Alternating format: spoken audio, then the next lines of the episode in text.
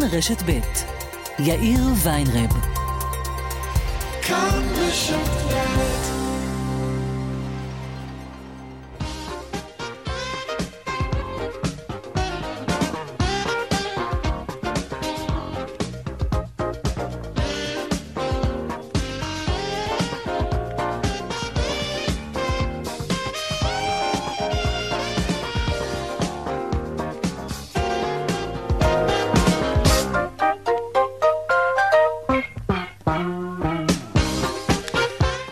וכמעט שש דקות כאן צבע הכסף ברשת ב' יום ראשון. שלום רב לכם, שבוע טוב, חודש טוב. העורך רונן פולק, בהפקה אביגל ביגי בשור.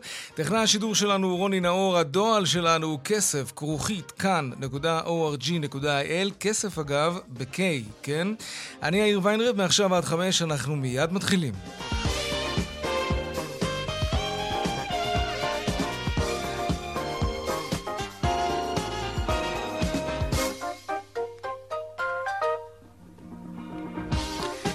כותרות צבע הכסף ליום ראשון, הסדקים בקואליציה תחילה לקראת אה, אישור תקציב המדינה השבוע. ראש הממשלה נתניהו אומר שבניגוד לממשלה הקודמת, שנתנה צ'ק פתוח לכל מפלגה בתמורה להצטרפותה, הממשלה בראשותו מעבירה תקציב אחראי, שאחת מהמטרות שלו היא השוואת התנאים בין ילד חרדי לילד חילוני. בישיבת הממשלה שהתקיימה במנהרות הכותל המערבי אמר נתניהו כי הממשלה הזאת נבחרה כדי למלא את ימיה, ולכן הוא בטוח שבימים הקרובים יגושרו כל הפערים. כדי להמשיך ולקיים את הממשלה הלאומית שלנו, אנחנו חייבים להעביר את תקציב המדינה. תמיד מתעוררים ויכוחים ברגע האחרון, אני מאמין שנתגבר עליהם ונעביר את התקציב. אנחנו מעבירים תקציב אחראי שאחת ממטרותיו היא השוואת תנאים בין ילד חרדי לילד חילוני, כי ילד חרדי לא צריך לקבל פחות מילד חילוני או ילד דתי, כי ילד חרדי הוא לא חצי ילד. לקראת עוד העלאה של הריבית, העלאה העשירית במספר של הריבית במשק, בנק ישראל ממשיך בדיונים לקראת ההחלטה אה, מחר כבר, כן. והשאלה היא לא האם יעלה הנגיד את הריבית, אלא בכמה הוא יעלה, נדבר על זה בהרחבה היום ומחר כמובן. בינתיים הבנקים הגדולים, הפועלים הלאומי, אה, דיסקונט ומזרחי, נאבקים על כל לקוח ולקוח. בנק הפועלים הודיע שהוא יספוג בעבור חלק מהלקוחות שלו את העלאת הריבית במשכנתה. בבנק לאומי מציעים הלוואות צמודות מדד, אבל עם אפס ריבית. נדבר גם על זה. וגם הנחות של עד 15% בארנונה למשרתי מילואים, הנחות בתעריף החשמל והנחות בקייטנות. הממשלה תתבקש לאשר את תוכנית ההטבות להגדלת התמיכה במשרתי המילואים. מיד נתעדכן גם בסיפור הזה. ועוד בצבע הכסף בהמשך, קילו דובדבנים בכמעט 100 שקלים. מי יכול להרשות לעצמו מחירים כאלה? וזה רק הדובדבן שבקצפת, כי כמעט כל פירות הקיץ, ענבים, דקטרינות, מישמישים, המחירים בשמיים. האם בקיץ הזה רק משפחות עמידות יוכלו להרשות לעצמם ענבים ודובדבנים? נשאל את השאלה הזאת עוד מעט. וגם הטעות של וויזר, חברת התעופה הציעה טיסות לפולין ולאיטליה ב-30 שקלים לכיוון. הלקוחות, ברור, הסתערו, אלא שאז התברר שמדובר בתקלה טכנית, והחברה ביטלה את כל ההזמנות במחירים האלה, עוד מעט הסיפור המלא הזה גם. אלה הכותרות, כאן צבע הכסף, אנחנו מיד ממשיכים.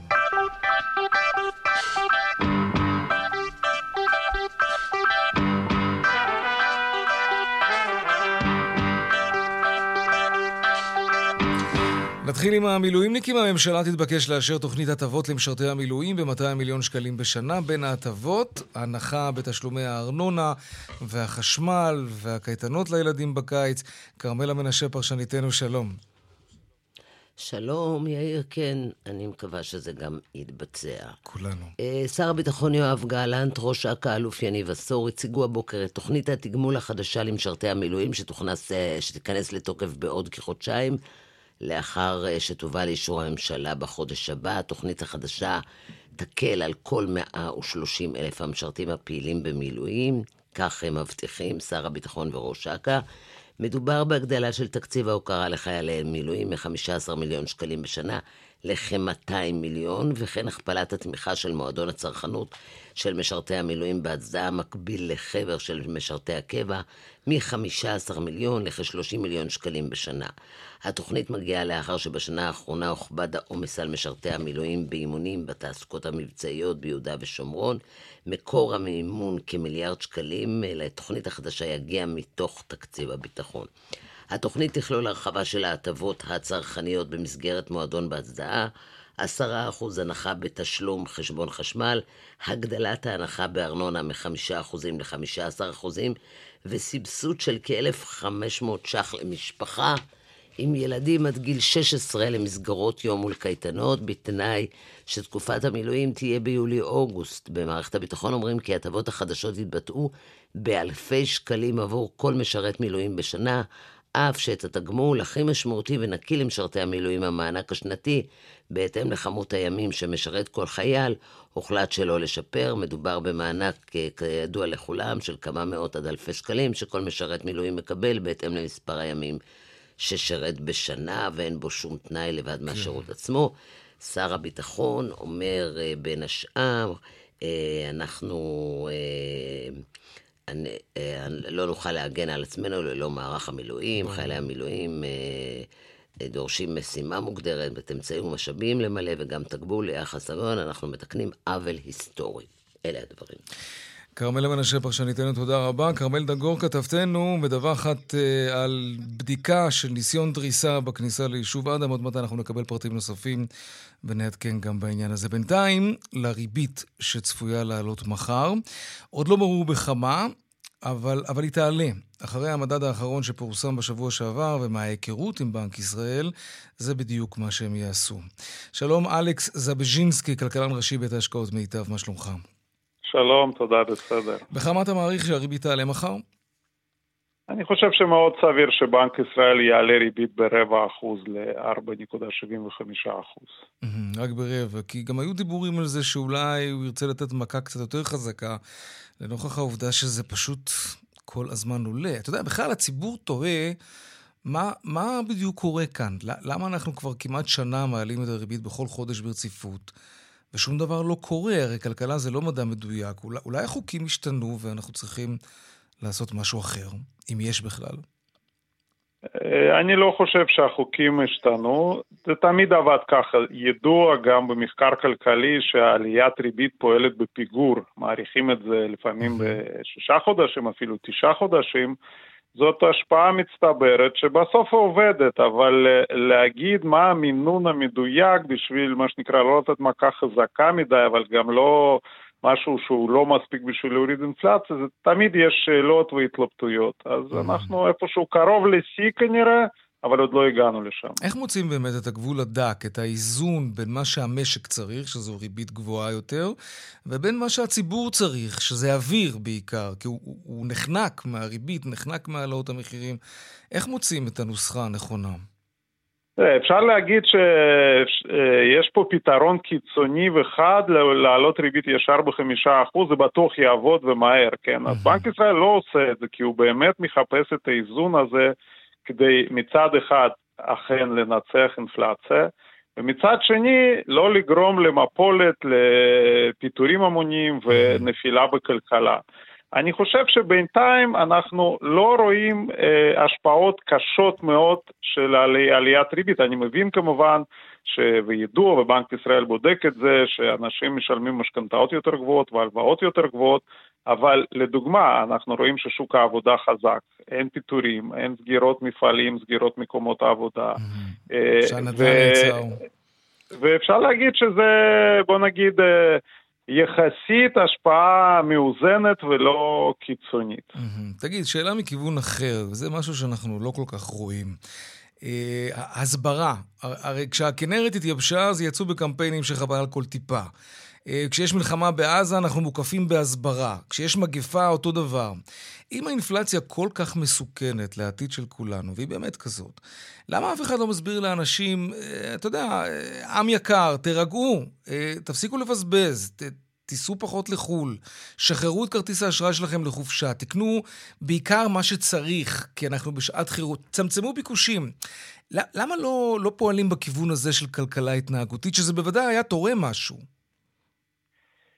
האמת שיכול להיות שאתה מעלה פה איזשהו רעיון, אני לא שמעתי ולא קראתי אף פעם בספרות כלכלית שניסו לעשות את זה והצליחו, כן? אבל יכול להיות שבאמת אה, אפשר לחשוב גם על זה, גם על פתרון הזה, למרות שבני אדם בכלכלה, אה, בתיאוריה לפחות, בן אדם הוא יצור שפועל על פי תמריצים, תמריצים כלכליים ולא שכנועים, זאת אומרת, אתה מעלה ריבית, מוריד לו הכנסה ואז הוא קונה פחות באמת, אחרת הוא לא עושה את זה, אבל יכול להיות שבפרקטיקה אפשר להשתמש גם בזה, אני לא חושב שזה האמצעי היחיד שיעזור, אבל אולי זה יעזור עוד קצת. אבל תאורטית, אם אנשים היו, אתה יודע, אחראים לתקציב המשפחתי שלהם, של משק הבית, תאורטית, כן, בעולם אידיאלי, ואנשים היו קונים פחות עכשיו, היינו רואים יציבות מחירים יותר מהר ממה שאנחנו רואים או נראה עכשיו, נכון?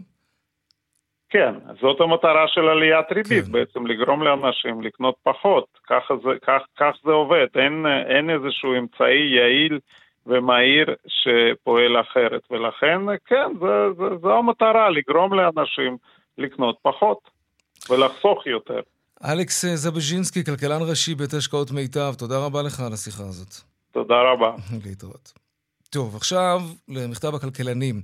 עוד גילוי דעת, הפעם של כלכלנים בכירים נגד הכספים הקואליציוניים שמיועדים לסקטור החרדי, ובמילים אחרות למקומות שלא יניבו איזושהי תשואה למשק, למשק בסופו של דבר בתמורה לכספים האלה. שלום פרופסור אודי ניסן, בית הספר למדיניות ציבורית האוניברסיטה העברית, ולשעבר גם היה ממונה על התקציבים במשרד האוצר. שלום לך. שלום, שלום. תתסרט לנו מה יקרה. מה עלול לקרות אם מדינת ישראל תמשיך לנתב כספים למקומות שלא מעודדים צמיחה? תראה, אני חושב שזה כבר קורה. אה, הפער הלא נתפס בין, נקרא לזה, ההשתתפות בחובות אל מול הסיוע של מדינת הרווחה הולך ומתעצם. ואני חושב שברגע שאנשים מבינים שהמנגנון של מדינת הרווחה והביטוח הלאומי ומנגנון הקצבאות הוא לא פועל כמו שציפו, העסק הזה מתחיל להתפורר.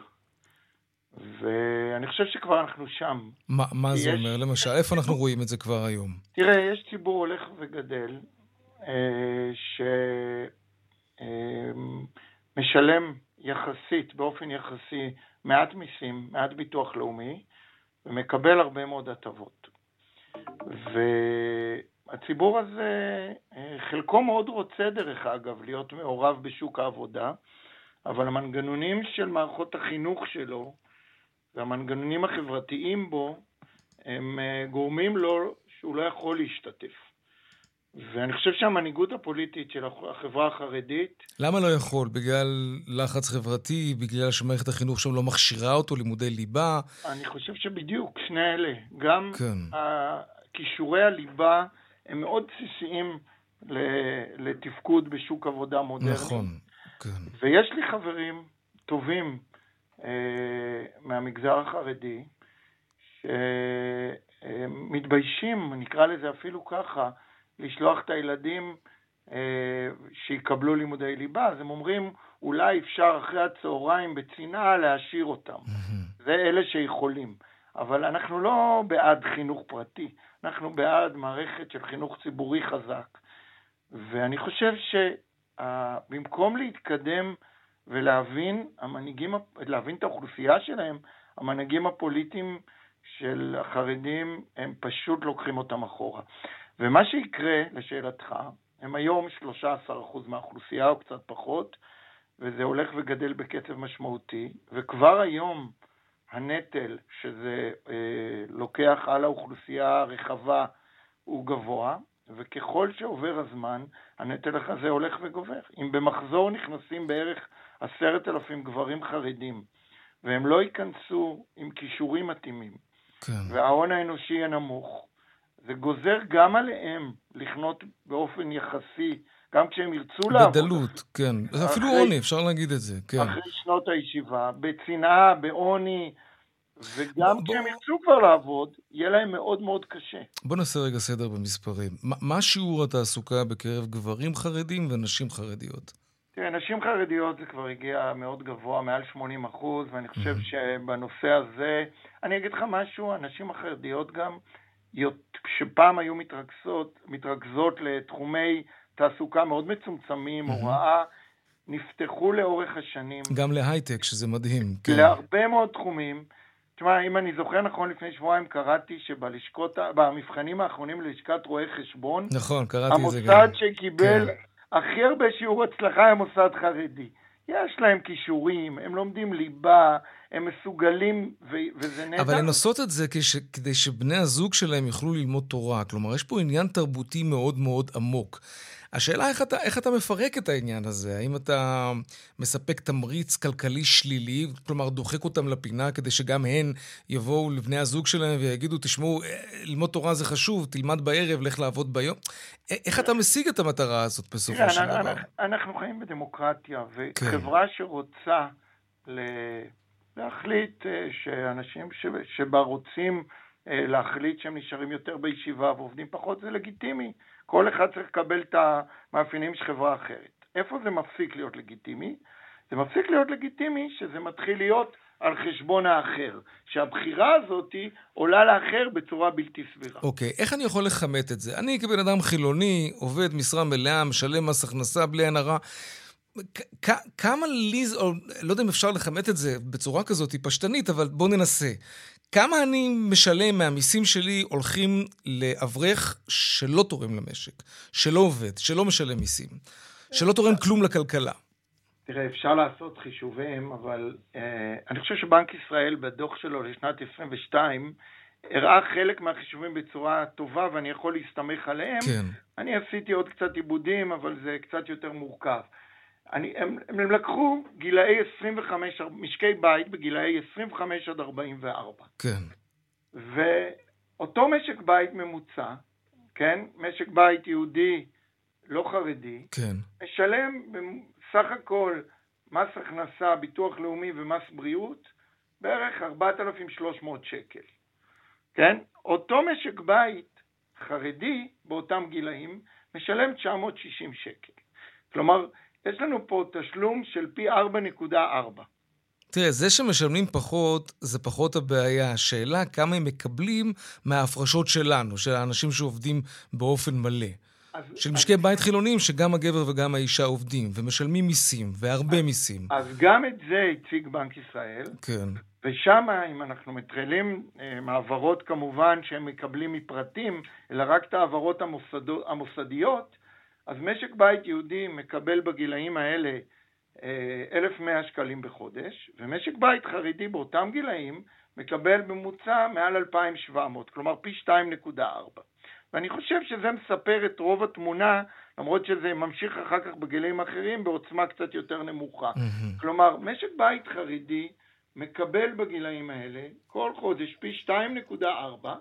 מה זה אומר מקבל, אגב? על מה? בעבור מה? קצבאות ב- ילדים? הוא מקבל קצבאות ילדים, הוא כן. מקבל קצבה על ישיבה, הוא מקבל גם קצבאות אחרות, לפעמים של השלמת הכנסה, לפעמים. של דמי אבטלה, ואם לוקחים את כל הקצבאות, בנק ישראל מיפה את הכל, והפער הזה, כשזה היה אחוז מהאוכלוסייה, שני אחוז מהאוכלוסייה, אנשים אמרו, מקבלים. כשזה 13 אחוז האוכלוסייה, ועכשיו מתווסף על זה אה, הכיוון שזה הולך להיות פי שתיים בתוך 20-30 שנה, ואתה מוסיף על זה אה, כספים קואליציוניים בהיקפים חסרי תקדים ברמת הסקטוריאליות שלהם, ואתה מוסיף על זה מהפכה משפטית שרוצה לפסול אה, כללי סבירות ושוויון שיכולים למנוע דברים חריגים כאלה, וכל החבילה ביחד הופכת להיות נטל לא, לא, לא הוגן, ואני אגיד לך, אני, אני, בסוף אני חושב שזה לא אינטרס רק של הציבור החילוני, זה אינטרס של הציבור החרדי. מה שיקרה פה מבחינה חברתית, הוא לא יחזיק. ולכן אני לא רואה איך המנהיגים הפוליטיים של החרדים ממשיכים בקו הזה. אני חושב שהם. שוגים בענק. כן. פרופסור אודי ניסן, בית הספר למדיניות ציבורית באוניברסיטה העברית, לשעבר הממונה על התקציבים באוצר, תודה רבה לך על השיחה הזאת. להתראות. הבנקים הגדולים, הפועלים, לאומי ומזרחי, אה, עושים שמינויות באוויר וכבר מציעים כל מיני הצעות מפתות, מלספוג את הריבית, שתעלה כנראה שוב מחר, ועד הלוואות עם אפס ריבית ללקוחות שלהם. בקיצור, הבנקים הגדולים נלחמים על כל לקוח. הגיע הזמן, אגב. חבל שזה רק בעת הזאת. שלום, דנה ירקצי, כתבתנו לענייני כלכלה. שלום, יאיר. כן, לא בטוח עד כמה הם אה, נלחמים, אולי רוצים להראות אה, שהם נלחמים, ולכן הלקוחות כאן, במקרה הזה, יצטרכו, אתה יודע, לבדוק מה כן הטבה ומהו גימיק שיווקי. אז אה, אתה יודע, לקראת מחר, נגיד בנק ישראל הולך להעלות את הריבית בפעם העשירית. עדיין לא ברור האם זה יהיה ברבע אחוז או בחצי אחוז. אה, בכל מקרה, אה, אה, הערכות מדברות יותר על רבע אחוז, וייתכן אולי עלייה נוספת אה, בחודש אה, יולי. בנק הפועלים מוציא אה, הבוקר הודעה שהוא הולך לתת הטבה, שהוא כבר הציע אותה בחודש אה, ינואר האחרון, הטבה דומה. הוא הולך לספוג את העלאת הריבית, שתיקבע מחר בין אם זה יהיה רבע אחוז או חצי אחוז, אה, וזה להר... למעלה מ-40 אלף אה, לקוחות, כמובן לפי הקריטריונים, כי לא לכל אחד אה, מגיע לקבל את ההטבה. מי שביכולתו, אתה יודע, אה, לשלם את המשכנתה, אז אה, הוא לא ייכלל, וכל אחד יצטרך להסתכל האם הוא עומד בקריטריונים. בפעם הקודמת זה היה רק לעשרת אלפים לקוחות, הפעם הם הגדילו את אה, אה, קהל טווח היעד שלהם, ואז בנק לאומי גם מציע הטבה להקלה על נוטלי משכנתאות, הלוואה צמודה למדד בריבית של 0%. שוב, לא בטוח מה ההטבה כאן, אם יש כאן הלוואה שהיא צמודה למדד, ו- ומישהו יצטרך לשלם עליה בסופו של דבר. בנק מזרחי טפחות ממשיך להציע את אותה הצעה של פטור מריבית על המינוס עד ל-6,000 שקלים, שזה קצת דומה למה שבנק הפועלים מציעים רק בוורסיה אחרת. אה, בנק דיסקונט מציע הקפאה של העלאת אה, אה, תשלומי המשכנתה. הסכום שיידחה יוחזר בעוד שנתיים בפריסה של 36 חודשים ללא ריבית כן. והצמדה. אז אנחנו רואים, כל אחד מציע דרכים להקל על הציבור. אנחנו רואים באמת שיש מי שאומר, אנחנו נספוג את זה, לא נעלה את הריבית, אבל זה לא לכל הלקוחות, ויש גם מי שאומר, ניתן לכם אה, אה, פטור ממינוס. כל כן. לקוח יצטרך באמת להסתכל, להבין עד כמה מדובר בהטבה, עד כמה מדובר בגימיק שיווקי, וייתכן שכל הדברים הללו נעשים בגלל ניסיונות ההפחדה של יושב ראש ועדת הכספים משה גפני, שבכל פעם מעלה על השולחן את הכוונה שלו אה, ליישם כן. איזשהו חוק, לעצור את העלאת אה, הריבית על במשק. על המשכנתאות וזה, כן. כן. כן, בהחלט. טוב, אז נראה... אז רגע, אה, מצד אחד, יפה מאוד, מצד שני, אל לנו להסתנוור. לא, אנחנו לא מסתנוורים. בטח ממה, ש... ממה שבא מהבנקים. תודה, דנה ירקצי. תודה. טוב, עכשיו נושא אחר. תקציב רשות החדשנות יקוצץ ב-100 מיליון שקלים, שזה ישר מעלה ים שאלות, ובראשן, למה? זה לא הקיצוץ היחיד, צריך להגיד ביושר, אבל במקרה הזה יש 100 מיליון סימני שאלה. הרי ההייטק במשבר, כולם יודעים את זה. אנחנו מדברים כאן על זה כל יום. רשות החדשנות מסייעת לסטארט-אפים ישראלים בתחילת הדרך שלהם, אז למה לגעת דווקא לה בתקציב, ואם כבר, למה לא להעלות אותו יותר בשעה הקשה הזאת? שלום, עמי, עמי אפלבוים, יושב ראש רשות החדשנות, שלום לך. שלום, שלום. אתה בסדר? אתה רוצה לקחת איזה שלוק מים? בינתיים אני אקשקש, אני אלוף בזה. שלום, שלום. וברכה. אתה מצליח להבין למה קיצצו לכם? אני מבין שקיצצו בעקבות הקיצוץ הרוחבי, שהיה בפלטים, מה שנקרא. כן. מה שאני לא מצליח להבין זה למה בעשר שנים האחרונות כן. תקציב רשות החדשנות נשאר ללא עלייה, כשהעלויות השכר וה, אה, והשכר עבודה וכל התשתיות עלו, הוכפלו, והתל"ג הישראלי... אז בעצם זה לא שהוא עלה. לא עלה, התקציב שלכם בעצם ירד. אז, אז אפקטיבית התקציב שלנו ירד. כן. עכשיו אנחנו, רשות החדשנות זה גוף שמשקיע במחקר ופיתוח, ובמיוחד בימים כאלה שאנחנו רואים שיש אה, בימים כאלה שאנחנו רואים שיש האטה בזרימת ההון לארץ, ואנחנו חייבים להציע יותר, אני אקרא לזה גזרים, גם למשקיעים, גם להייטקים, גם למוסדים כן. הישראלים. כן. צריכים להציע גזרים, אז uh, לא עשו את זה. ועכשיו אני אסביר לך גם למה, מבחינתי. המדינה, היא קובעת את המדיניות. אני, בתור רשות החדשנות, חובתי להציג את הנתונים המקצועיים לשר הממונה, ול... והוא מציג את זה לממשלה. ומדיניות קובעת הממשלה. אני לא יכול לקבוע מדיניות, אני יכול לבצע את המדיניות שנקבעת בצורה הטובה ביותר. על כמה עומד התקציב שלכם היום? מיליארד וחצי, משהו כזה, לא? אפילו עם הפלטים עכשיו זה יהיה 1.400. 1.400. תגיד, לפני כמה שבועות פרסמתם נייר עמדה על מצב ההייטק בישראל, והמסקנות שלכם היו מאוד מדאיגות. בין היתר כרכתם את המצב גם במהפכה המשפטית. יכול להיות שאין אוזן קשובה, אה, בין היתר בגלל חוות הדעת הזו, שמאוד לא אהבו אותה בממשלה, צריך להגיד? תראה, אה, אנחנו גוף מקצועי, נאמן למקצועיות שלנו. רשות החדשנות מורכבת מאנשים מקצועיים. אני מקריירה של 36 שנה במגזר הפרטי, המנכ"ל דרור בין מעל 20 שנה במגזר הפרטי, העובדים שלנו הם מהמגזר הפרטי, ואנחנו מחויבים למקצועיות. וברגע שאנחנו רואים אינדיקציות של האטה, ונכון שיש האטה גלובלית, אין על זה ויכוח, תסתכל על הנסדק. זה ברור, לא מתווכח. כתבתם את מה שאתם רואים בעיניים המקצועיות שלכם. אני שואל, האם אתה חושב שזאת אחת הסיבות אולי, שלא חסכו מכם את הקיצוץ הזה של 100 מיליון השקלים? אחרי עשר שנים שהתקציב שלכם לא עולה ואפילו יורד, כמו שסיכמנו לפני רגע. אני אה, יודע שפלטים התחילו לדבר מיד כשעלו כל ה... דרישות של תשעה מיליארד שקל לחוסן, לחוסן לאומי. כן. וכל, אז הפלטים... עזוב, בוא, בוא נתערב שיש לא מעט גופים שהפלטים האלה לא נגעו בהם, ואני אומר לך את זה אפילו בלי לבדוק, אבל אנחנו נבדוק את זה אחר כך. אני, לא אני כל רשות או גוף סטטוטורי באמת חוטף את זה.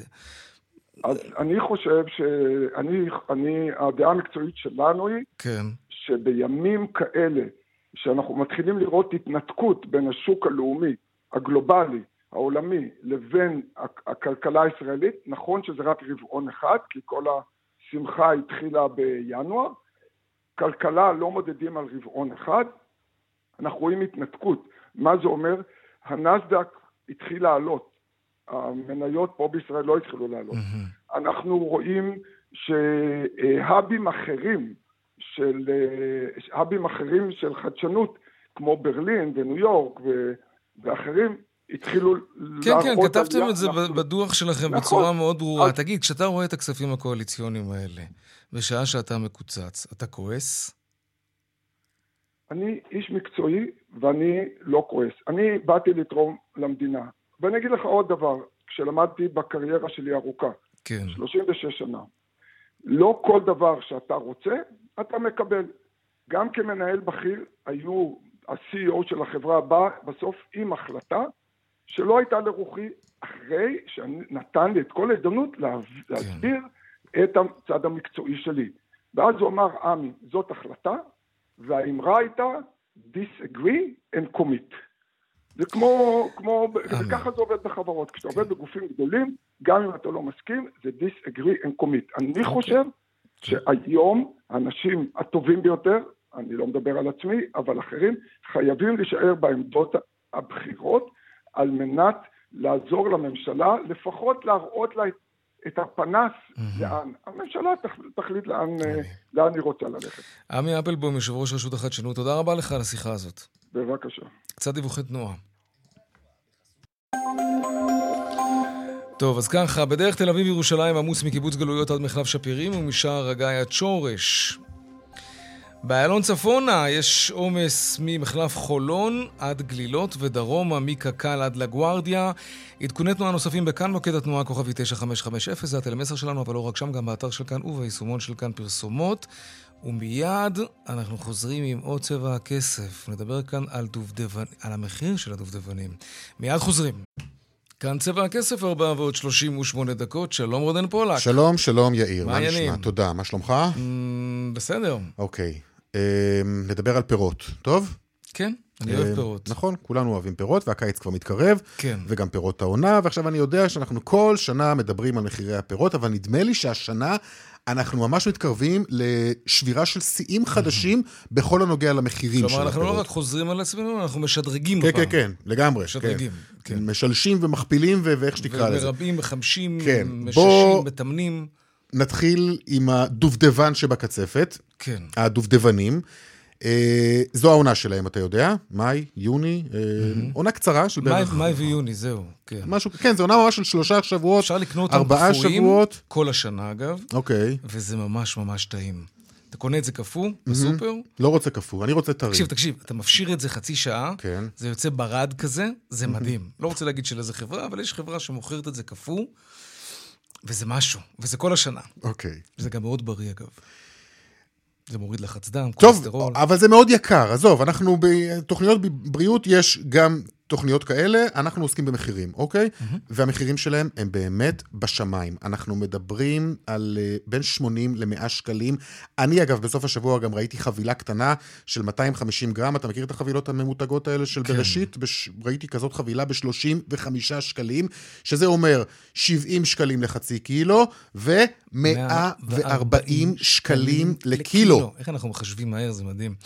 אה, זה מטורף. אבל רגע, לא קניתי. יש לי משהו להגיד שלא, לך. לא, שלא יהיה ספק פה. אני לא קניתי, כן. כמובן. 140 שקל, עם כל הכבוד. תגיד, אבל דודבן זה תמיד פרי ממש ממש יקר, נכון? לא, לא. כן, כן, כן. לא, לא, שנה, ש, שנה שעברה דווקא, כן. הוא היה אה, במחירים יחסית אה, סבירים. נכון שהוא יקר יותר כן. מפירות אחרים. אבל בכמה? בכמה יותר יקר לא, השנה? תשמע, אנחנו מדברים על מחירים של 100 שקלים לקילו. בוא, זה, זה, זה, לא, זה לא נורמלי. בסדר, אבל אני רוצה לדעת מה הייתה העלייה לעומת שנה שעברה. עוד מעט נתעסק בזה. אגב, אתה יודע שיש מתוקים וגם חמוצים? כלומר, יש כמה זנים של דובדבנים. כן, יש גם כן. את הבהירים ואת הלבנים ואת האדומים מאוד. והאם ידעת שזה מוסיף לגוף שלנו אשלגן? וסידן, וברזל. אתה ממש מתעקש ללכת על הבריאות. ומגנזיום. אני רוצה להישאר במחירים. וים של ויטמינים. אני רוצה להישאר במחירים. לא, לא, אני לא מנסה לשכנע אנשים לקנות בגלל הדברים האלה, אני רק אומר ש... בוא נדבר על עוד כמה פירות. כן. מישמישים, בערך 40 שקל לקילו. אפרסק, כ-30 שקלים לקילו. ענבים, בין 35 שקלים ל-50 שקלים לקילו. אגב, מחירי האבטיחים דווקא מתחילים לרדת עכשיו, אתה ודאי שמת לב, הם עמדו על 8-9 שקלים לקילו כן. עד לפני כמה שבועות. עכשיו, mm-hmm. המחירים כבר ירדו ל-4 שקלים בכמה מקומות. Uh, בכל מקרה, יאיר, תשמע, כשאנחנו מדברים על יוקר המחיה, אפשר לוותר על כל כך הרבה דברים. אנחנו מדברים פה על דברים שאפשר לוותר, מותרות, לא יודע, יש מלא דברים. פירות זה לא שם. ברור, זה לא זה מותרות, פירות קיץ הפכו כאן למותרות. כשאנחנו שומעים על אנשים שמורידים פירות מהעגלה כי זה יקר להם, mm-hmm. זה פשוט נורא. זה באמת עצוב. אז למה לא נתת לי להרחיב בקטע של הבריאות? זה בדיוק הטיעון.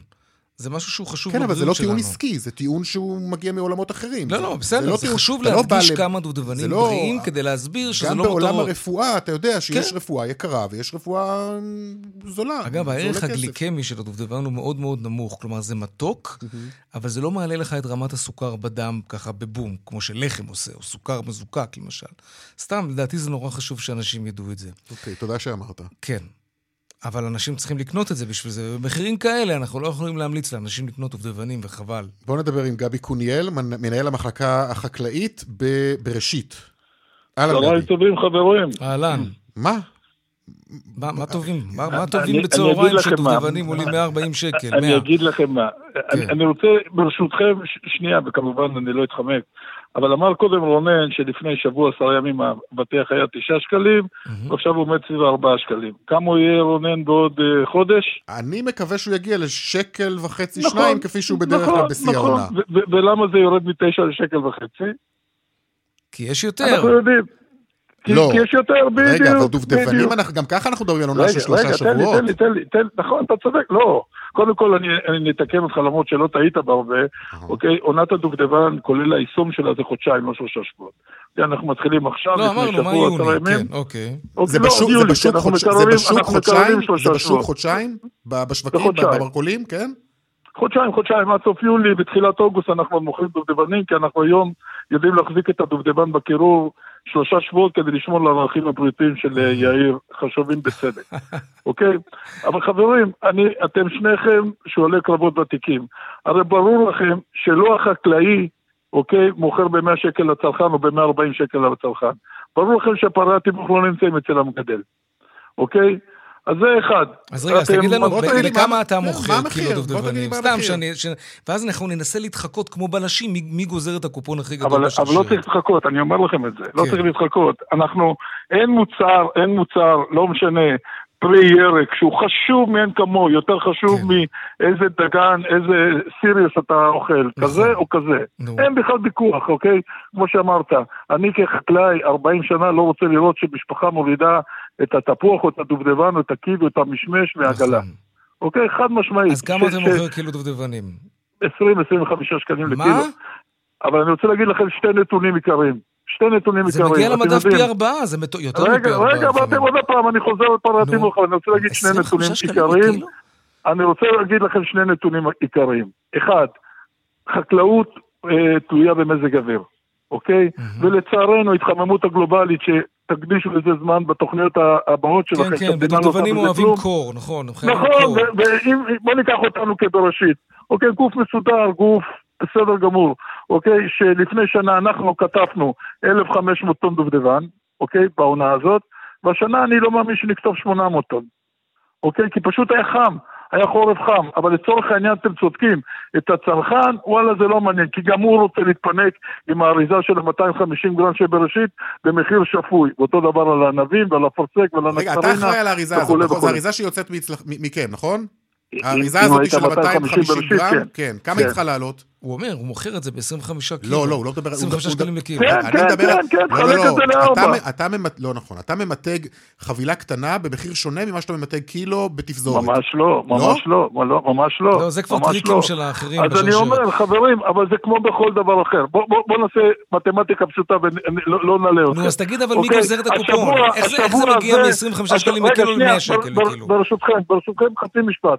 בשבוע הזה, ערב שבועות, נכון, חג הפירות, חג החלב, חג, החג החקלאי, כן, נכון? נכון. במדינת ישראל לא יהיה יותר מ-80 טון דובדבנים.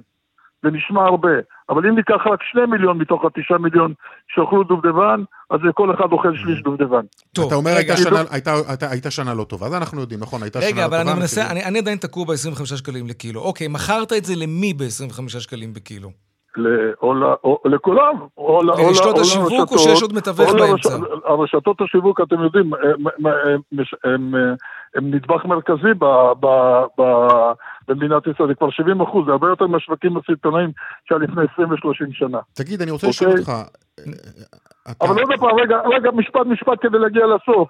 אוקיי, חברים, זה כמו בכל דבר, אוקיי?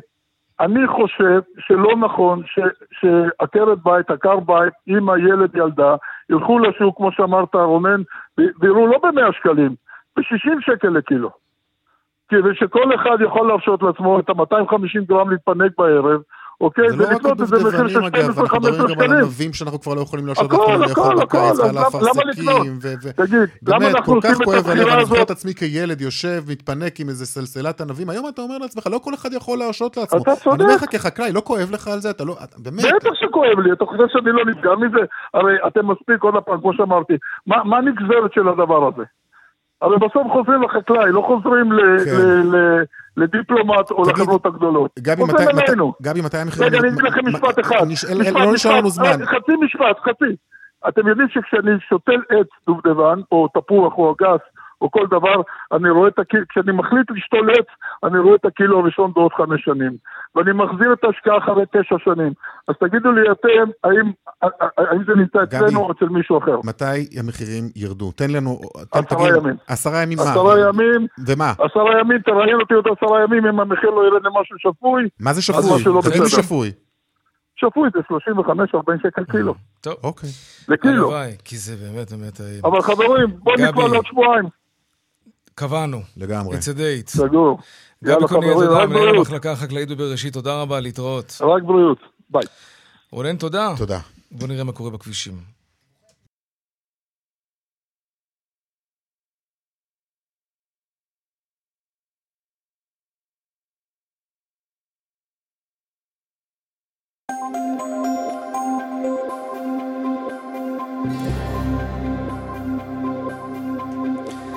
דרך 85 מזרחה עמוסה מצומת עכו מזרח עד uh, פארק בר-לב ומערבה מפארק בר-לב עד צומת יאסיף. דרך החוף צפונה עמוסה מגעש עד נתניה, עדכוני תנועה נוספים בכאן מוקד התנועה, כוכבי 9550 ובאתר של כאן וביישומון של כאן פרסומות ומיד חוזרים. כאן צבע הכסף, טיסה ב-30 שקלים לכיוון, זו הייתה הבשורה שהתרוצצה בסוף השבוע האחרון כמעט בכל קבוצת וואטסאפ. שלום יניב לניס, מייסד אה, אתר אה, טיסות סודיות, שלום לך. שלום, ערב טוב. היה מחיר טוב, למה וויזר ביטלו את זה, תגיד? זה מחיר טעות אה, אפילו נהדר. הטעות הייתה... טעות מדהימה. הייתה פתוחה לכרטוס גם לאוגוסט ולסוכות, ו... ובאמת לתאריכים הכי מבוקשים לכל יעדי פולין מהארץ, וזה היה קצת uh, too good to be true, כמו שאומרים. תגיד, אבל החוק לא מחייב את וויזר לכבד את ההזמנות האלה? אני חושב שזה מאוד משתנה, הם תוך כמה שעות uh, הודיעו כמובן שמדובר בטעות, הבטיחו החזר כספי מלא לכל מי שכרטס, והם אפילו הגדילו לכבד את מי שכרטס ממש לרגע האחרון, uh, לימים הקרובים, ככה שלא מבטלים לאנשים ממש רגע לפני שהם יוצאים לשדה.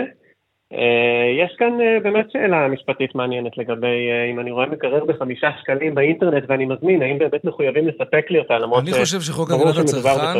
כן, ברור, אבל לקוחות שממש ממש רוצים, אני יודע שבתחומי מדינת ישראל... אה, בעלי העסקים חייבים לכבד את ה... אלא אם כן מדובר באמת במקרים יוצאי דופן.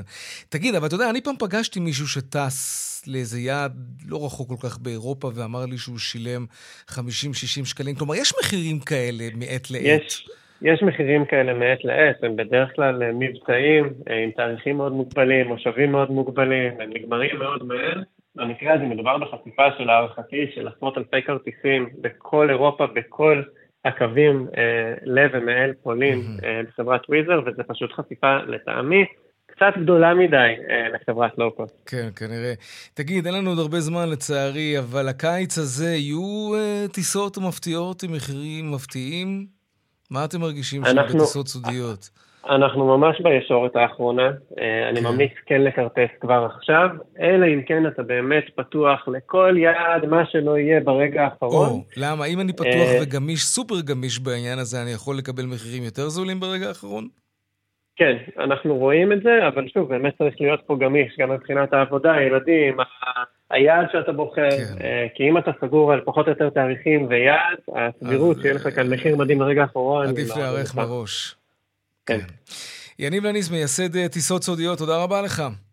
בשמחה, להתראות. להתראות. נקריא תגובת אה, וויזר, החברה מאשרת כי התרחשה תקלה טכנית במהלך בדיקת מערכת ההזמנות, שהובילה לתצוגה שגויה של מחירי הכרטיסים לפולין ואיטליה. ברגע שנודע לנו על הבעיה הזו, הצוות שלנו תיקן אותה באופן מיידי, וכלל הנוסעים שהושפעו קיבלו הודעה אוטומטית ויקבלו בחזרה את כל הסכום ששולם.